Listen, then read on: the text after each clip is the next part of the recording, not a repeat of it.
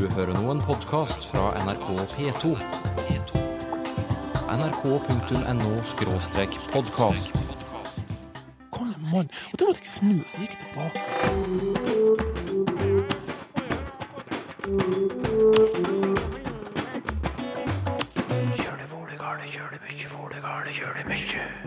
Noen julesangtekster trenger litt oppklaring. Fry deg, hver sjel han har frelst. Mange vil nok tro at hver sjel skal fryde seg.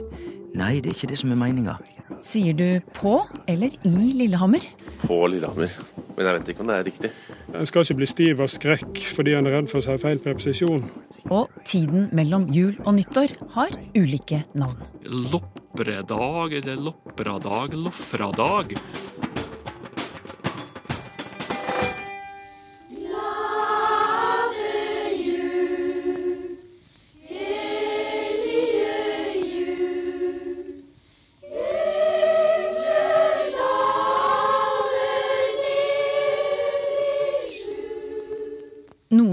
Julesangene våre har ord og uttrykk som kan være vanskelig å forstå, både for liten og stor. F.eks. denne, 'Glade jul'. Det mest kjente verset er det mye rart i, skriver Hilde Rangfrid Kirkvold på Språkteigens Facebook-side. Det er første vers hun sikter til. Og vi kan jo kikke litt nærmere på det, Sylfus Lomheim. Engler daler ned i skjul. Det er kanskje flere enn meg som husker de bildene man fikk i hodet som barn da man sang akkurat den linjen der. Ja, for da så du kanskje at eh, englene kom dalende ned fra himmelen og landa over taket på vedskjulet et stykke fra huset. Absolutt. Noe Ja. i den gaten, ja. Men du, hva, hva menes egentlig med at engler daler ned i skjul? Det er jo eh, veldig enkelt, for det betyr at englene daler ned i skjul, altså i løgn. Vi ser dem ikke. De daler ned uten at vi ser dem. Men, men mens de er underveis, da? Før de daler ned i skjul, så flyver de med paradisgrønt. Og paradisgrønt har jeg ikke sett på noe fargekart, skriver Arild Westad på Facebook. Hva er paradisgrønt? Ja, og det hører ikke hjemme i den nye politiske grønne bølga, heller. Nei, paradisgrønt er ingen farge, men det må vi tenke oss at det er grøne greiner fra paradis. Og da skal vi òg hugse på at eh, denne sangen er jo skreven i Nord-Europa, i Norden. Og da er ikke det sjølvsagt at det er så veldig mye grønt og saftige ting midt på vinteren, så derfor at det er paradisgrønt, grønne greiner de kjem det er jo faktisk litt sensasjonelt. Videre ser englene hva for Gud er skjønt. Og jeg har alltid syntes at det er litt rart at Gud er intetkjønn i denne sangen. At Gud er skjønt. Hvor, hvorfor er han det? Ja, og det er jo ikke det han er. Ordet skjønn er vel greit nok, Den, det betyr vakker og pen og Ja. nydelig, men hva for Gud er skjønt, det er ikke Gud som er skjønt, men her er ordstillinga, altså rekkefølgen av orda, litt kinkig og, og tung å ta. I mer ledig moderne norsk ville vi si det som er skjønt for Gud. Ja. Det som er vakkert for Gud. Og da blir det jo veldig fin mening. Hva for Gud er skjønt. ja. Og det er jo ikke det eneste eksempelet på at ordstillingen kan være litt Gjøre det litt vanskelig å å forstå hva som egentlig menes når man synger i de gamle julesangene. Å nei, vi- eh, på slutten av denne sangen så står det jo Fry deg, hver sjel, han har frelst. Og der skjønner vi jo alle ord, men mange vil nok tro at Fry deg, hver sjel, han har frelst. Altså, hver sjel skal fryde seg. Nei, det er ikke det som er meninga. Fry deg, komma, hver sjel har han frelst. Gled deg fordi han har frelst hvert eneste sjel. Det er meninga. Men igjen er det ordstillinga som er litt sånn kinkig. Du, En ting som eh, også nevnes på Facebook-siden vår, det er um, til, til slutt i dette første verset, og, og fremdeles om englene, lønnlig iblant oss i går. Hva betyr lønnlig? Ja, lønnlig. Det er um, i løgn. Altså at det er lønnlig betyr at det er ikke til å sjå. Det er hemmelig på en måte. Vi ser det ikke. Og det er ganske artig, og i og for seg så er det jo et veldig kjent kyrkjelig navn i vårt land. Lønning. Og det er et stadnavn eh, vestpå, der garden ligger slik til at du ikke ser han på avstand. Han ligger kanskje nedi ei dump eller et eller annet, altså skjult. Så det er faktisk språklig sett tett sammenheng mellom eh, biskopen Per Lønnings etternavn og Lønli iblant oss. De går. Vi ser det ikke, at de går iblant oss. Du, Sylfest, jeg står her med jeg har med meg et gammelt pianohefte med julesanger eh, inn i studio. Eh, Rundt juletreet heter det.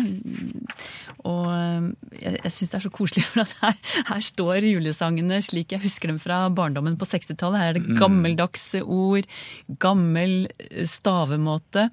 Og, og her er På side fire her så er den sangen med den linjen jeg tror vi tøyset mest med da jeg var barn. Her kommer dine arme små. Og da kunne det fort bli diktet om til å handle om både armer og bein. Det er en klassiker. Ja. Men, du, ja. men du, for ordens skyld, de arme små, hvem er det? Ja, det er barna. Her kjem barna til Gud eller Jesus eller hvem det nå måtte være som tar imot. Og det er jo ikke det at de har små armer, men det er dine arme små.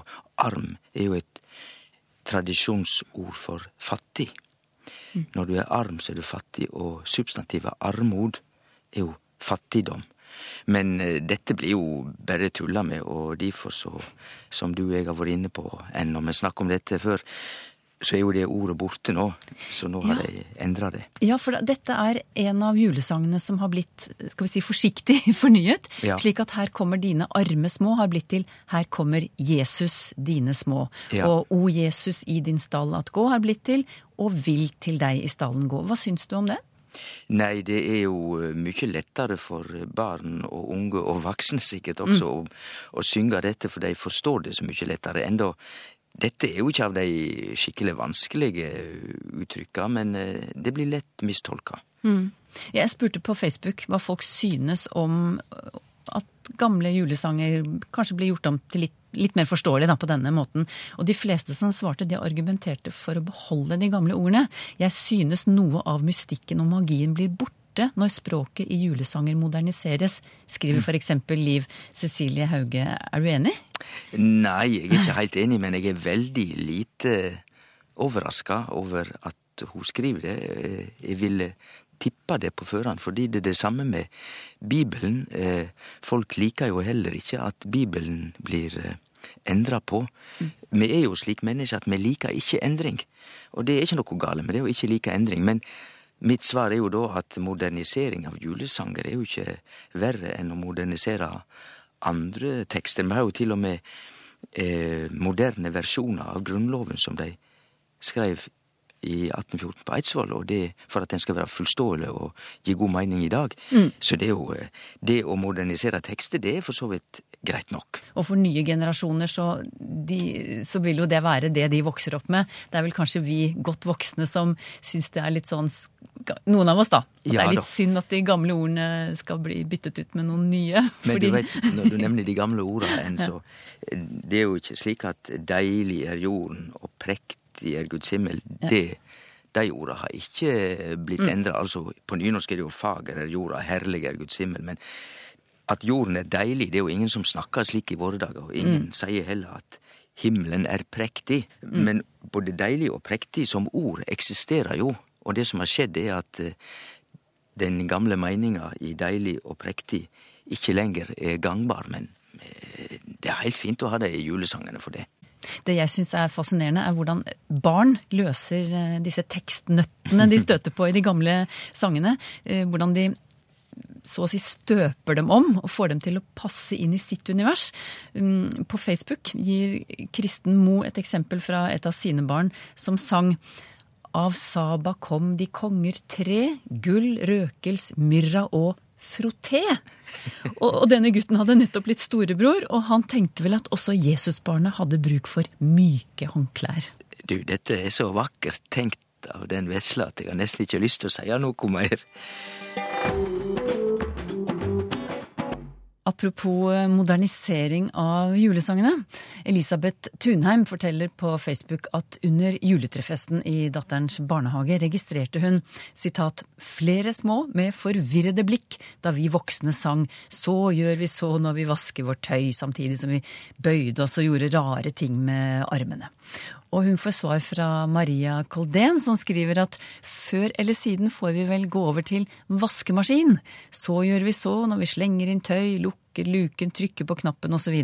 Livet i tørketrommelen krever også nye bevegelser. Og Kjell Arne Kristiansen han legger til at det kanskje kunne gis ut et eget julesanghefte i SMS- eller Messenger-språk. Takk for kreative forslag. Jeg sender Språkteigerkrus i førjulsgave for disse bidragene, og det får også flere av dere andre som hadde innspill om julesanger. Heter det i eller på Lillehammer? Eh, Jeg ville sagt på Lillehammer, men jeg vet ikke om det er riktig. I. I Lillehammer. Jo, nei, i. Nei, i kommunen. Det er i kommunen Lillehammer, men det er jo på Lillehammer. For de sier jo sånt når det er traktene her. Heter det i eller på Lillehammer? I Lillehammer. På Lillehammer. Nei, hvilken preposisjon passer til hvilke byer og tettsteder? Det er ikke lett, og det er et tilbakevendende spørsmål hos lytterne våre. Men det er hjelp å få hos preposisjonsekspert Leiv Inge Aa. Du, forrige gang eh, da slo vi vel fast at det ikke finnes en slik tittel, men du har i månedsvis undersøkt bruken av i og på for oppslagsverket Norsk ordbok, så derfor får du denne tittelen hos meg. Ellers underviser du i norsk på lærerutdanningen ved Høgskolen i Sogn og Fjordane. Men altså, på eller i, hva er mønsteret? Ja, nei, vi har jo litt uh, ulike tendenser her òg, faktisk. Og en ting som en kan gjøre, det er å f.eks. hvis en slår opp i um, den norske referansegrammatikken. Der står det at det opphavelig har vært en tendens til at byer og tettsteder ved kysten har hatt i. Slik at du har i Kristiansand, i Arendal og i Førde. Og at innlandsbyene da har hatt på. Sånn at du har på Gjøvik, på Lillehammer, på Jevnaker osv. Hva er logikken eh, i en slik inndeling, egentlig? Nei, dette det følger egentlig den eh, ja, naturlige semantikken, man kan si det, da, til preposisjonene. Der i har den tydinga at noe er omslutta helt eller dels av noe annet. Og Da kunne en tenke seg med kysten at uh, hvis det ligger litt nede i landskapet, at er i større grad omslutta av landskap, eller de sier det er gjerne de opphavlige byene da, som ligger ved kysten, som handelsbyer og fiskebyer. At uh, de er omslutta av bosetnad, og at det derfor er, er naturlig å bruke i om slike byer. Mens på har jo en opphavlig tyding oppå, oppe på. Altså at noe ligger oppå høgda, og noe ligger lenger oppe. Så sånn sett er det jo eh, eh, naturlig å tenke seg da at er du i, er du i innlandet, da, så er det lettere å tenke seg på, mens er du ut med kysten, så er det eller i en større by, da, at det er omslutta bosetnad, så, så blir det mer naturlig å bruke i. da. Men på, på hjemplassen din, eh, Kaupanger ved Sognefjorden, der sier dere begge deler, både på og i. Hvorfor gjør dere det? Ja, Da har det tradisjonelt vært et skille, faktisk. at en, eh, Denne bygda strekker jo seg ifra, eh, ja, fra fjorden og så litt opp på høgda. Og Fra gammelt av så har han da brukt i om, de, om gårdene som ligger nede i fjorden. da. Så han sier i Kaupanger har eh, referert til disse plassene, men så har det vært oppå høgda, det som en lokale kaller mm, skogen, da, på skogen. Så Det han omtaler som på Kaupanger. Sånn at han har da et skille da i, i den samme bygda. mm. I og på.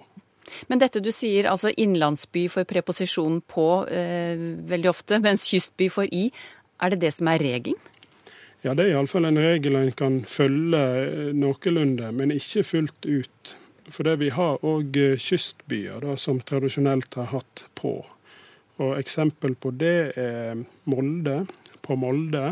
Og jeg mener òg sjøl å ha hørt på Moss, og i alle fall på Horten.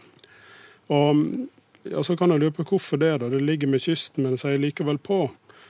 Og der fant jeg noe interessant som den gamle dialektgranskeren eh, Amund B. Larsen skrev i Mål og minne i 1909, om jeg husker rett.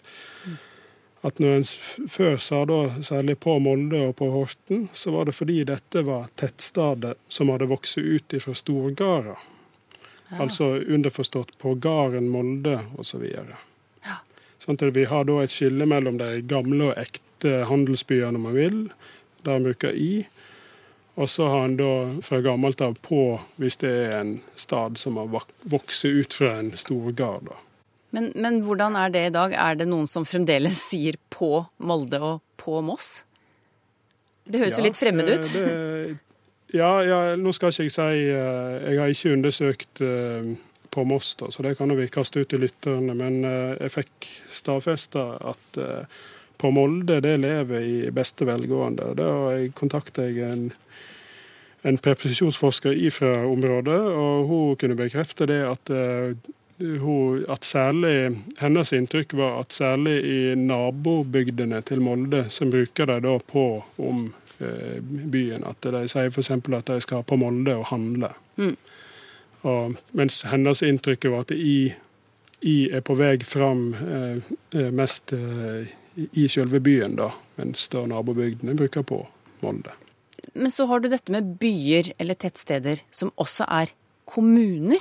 Der kan eh, preposisjonen signalisere om det er det ene eller det andre man eh, sikter til. På hvilken måte?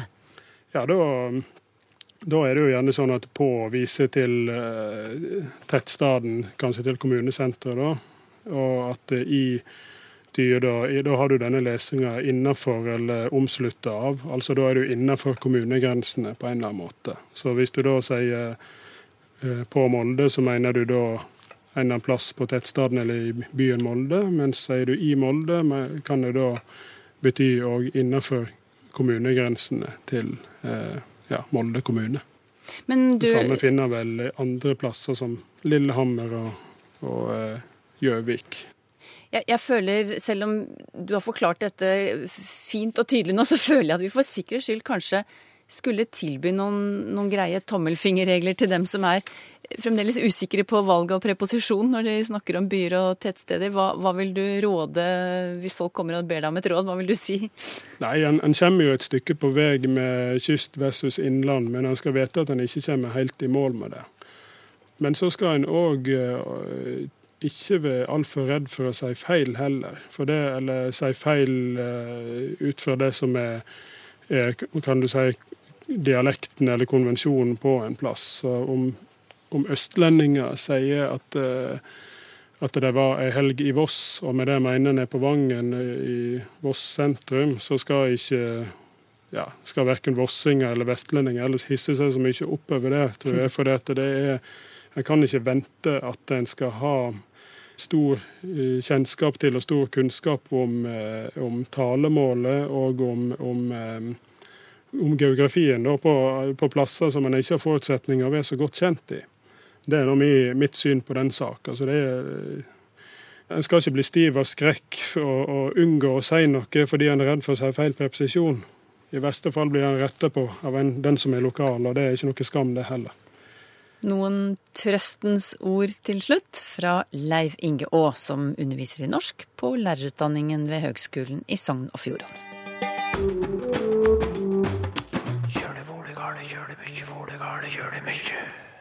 Så var det dagens lytterspørsmål, Tor Erik Gjenstad. Det første kommer fra Noralf Øksnes. For i Bergen kommune ligger Hordvik, og i Hordvik finner vi Grøvlesvingen. Hva er en grøvle, spør Noralf Øksnes. Ja, det kan egentlig være mange ting.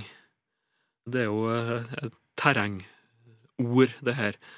Ei grøvel eller grøvle eller gryvle. Det kan for eksempel være et gjel. Eller det kan være eh, et djupt hull, eh, eller ei håle i bekk eller elv.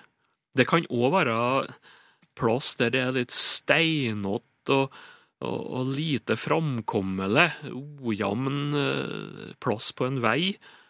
Et uføre, rett og slett. I alle fall så har jo det her sammenheng med å grave. Det er jo rota her. Men akkurat hva det er her i Hordvik attmed Bergen, det, da må man være lokalkjent. Men selve ordet grøvel, grøvle og varianter, det hører til Vestlandet. Og så går det over i Hallingdal og Numedalen i tradisjonelle målføre.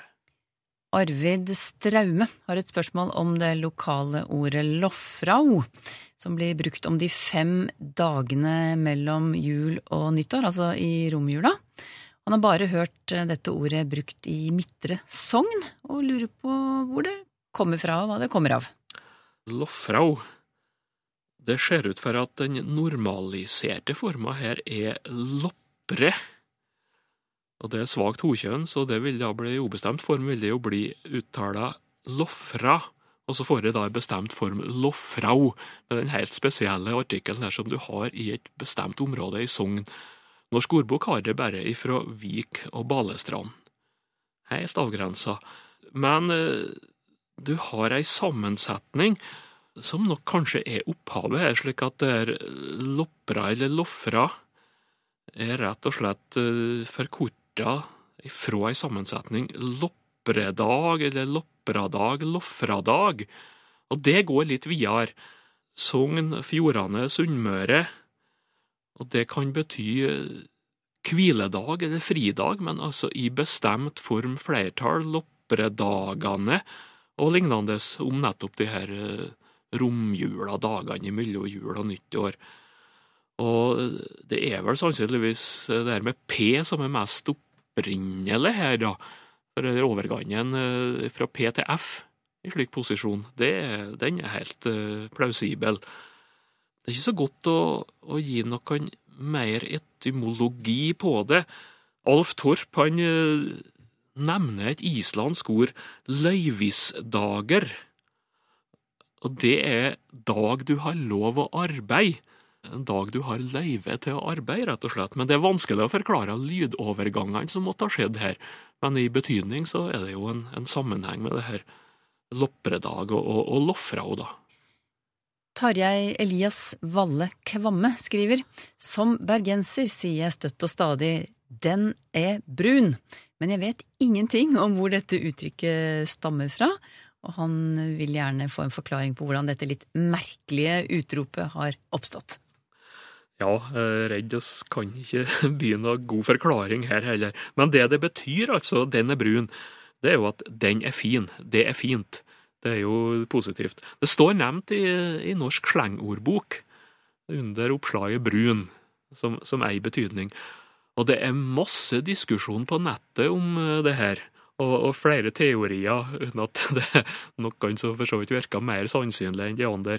For eksempel da, så er det noen som vil knytte til gamle, brune Hansa ølflasker, mens andre da eh, rett og slett vil sette det i forbindelse med avføring. Men hva som er riktig her, det har jeg ikke noe sterk formening om. Mm. Jeg la det jo ut på Facebook-siden til Språkteigen, og der var det noen som eh, De sa ikke bare 'den er brun', men de sa 'den er brun i saus'. Ja. I betydningen 'den er grei'. Ja, akkurat. Så det er kanskje noe med brun saus ja, og, og mat. Det kan godt være eh, ofte vanskelig å, å, finne en god etymologi på slike slenguttrykk. Det, kan, det er ideer og assosiasjoner som eh, kan være vanskelig å få tak i. Men det har tydeligvis festa seg i Bergen, det her, som, som et fast uttrykk. Åge Gjerde bøyer verbet å gå på nynorsk. Gå, går, gjekk, har gått. Og så fortsetter han på Halsenøy i Sunnhordland, fall sør på øya, der sier de har je om har gått, og dette vil han gjerne få en forklaring på. Ja, det er jo ei partisipform der, og da er det nokså greit å gå til Norsk ordbok, da. Der er det redigert og systematisert eh, dialektmateriale. Og ha je, det regner jeg med er forkorta eller sammentrekt form av et eldre partisipp, har gjenge. Og det ser ut for at ha je eller je, det er en vestlandsvariant. Og det er jo registrert nettopp fra Sunnhordland, men også Nordhordland, Rogaland, og oppover flere plasser helt til og med Romsdalen. Så har du den forkorta, eh, sammentrekte forma. Eh, på samme måte så har du eh, ha sted. eller ha stede eller steie, eh, for å ha stått. Og det er jo en slags gammel partisippform som er sammentrekt. Odd Larhammer bor i Molde. Han er eh, innflytter og har undret seg over at i Molde brukes ordet feig i betydningen urettferdig, mens eh, den betydningen han kjenner fra før av, det er mer sånn redd, engstelig, kujon, kanskje. Mm. Og han vil gjerne ha en forklaring på dette, da. Ja, det er jo ei betydningsglidning. Og jeg kjenner akkurat det samme sjøl fra ja, barndommen min, da. På Indre Nordmøre var snakk om feige lag, altså ojamne lag. Urettferdig eh, oppdeling i lag. Det kunne være i fotball, for eksempel. Den eldste betydninga av feig, det har oss jo som en arv fra norrønt. Og, og den som da var feig, han var jo dødsens. Altså, den som skulle dø, var feig. Og da har du ymse et fegdavarsel, var for eksempel kattugla, som var en fegda-fugl, som varsla død, rett at noen var feig. Så det, det er gammelt. Eh, Men så har vi da den her vanlige, eh, som også Larhammer nevner her, at eh, når er feig, da, da våger han ikke, han tør ikke. Han er pysete, stakkarslig og bleik. Det er jo litt nyere lån som er kommet fra lågtysk over dansk. Og så har det vel da gått enda et hakk, og det må jo da være via ei betydning omtrent altså at eh, når du er feig, at du da viker du unna for å gjøre det som er rett.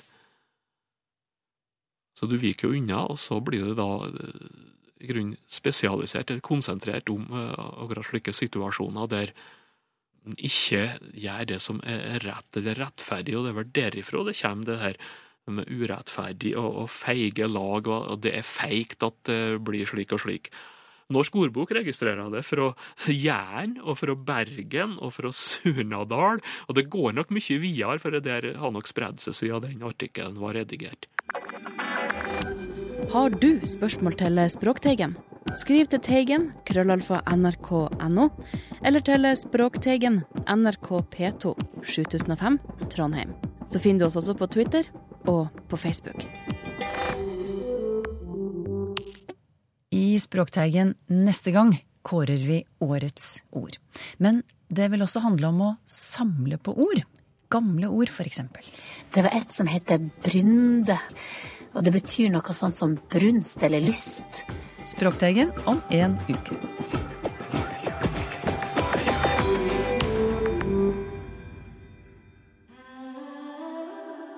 nrk.no podkast.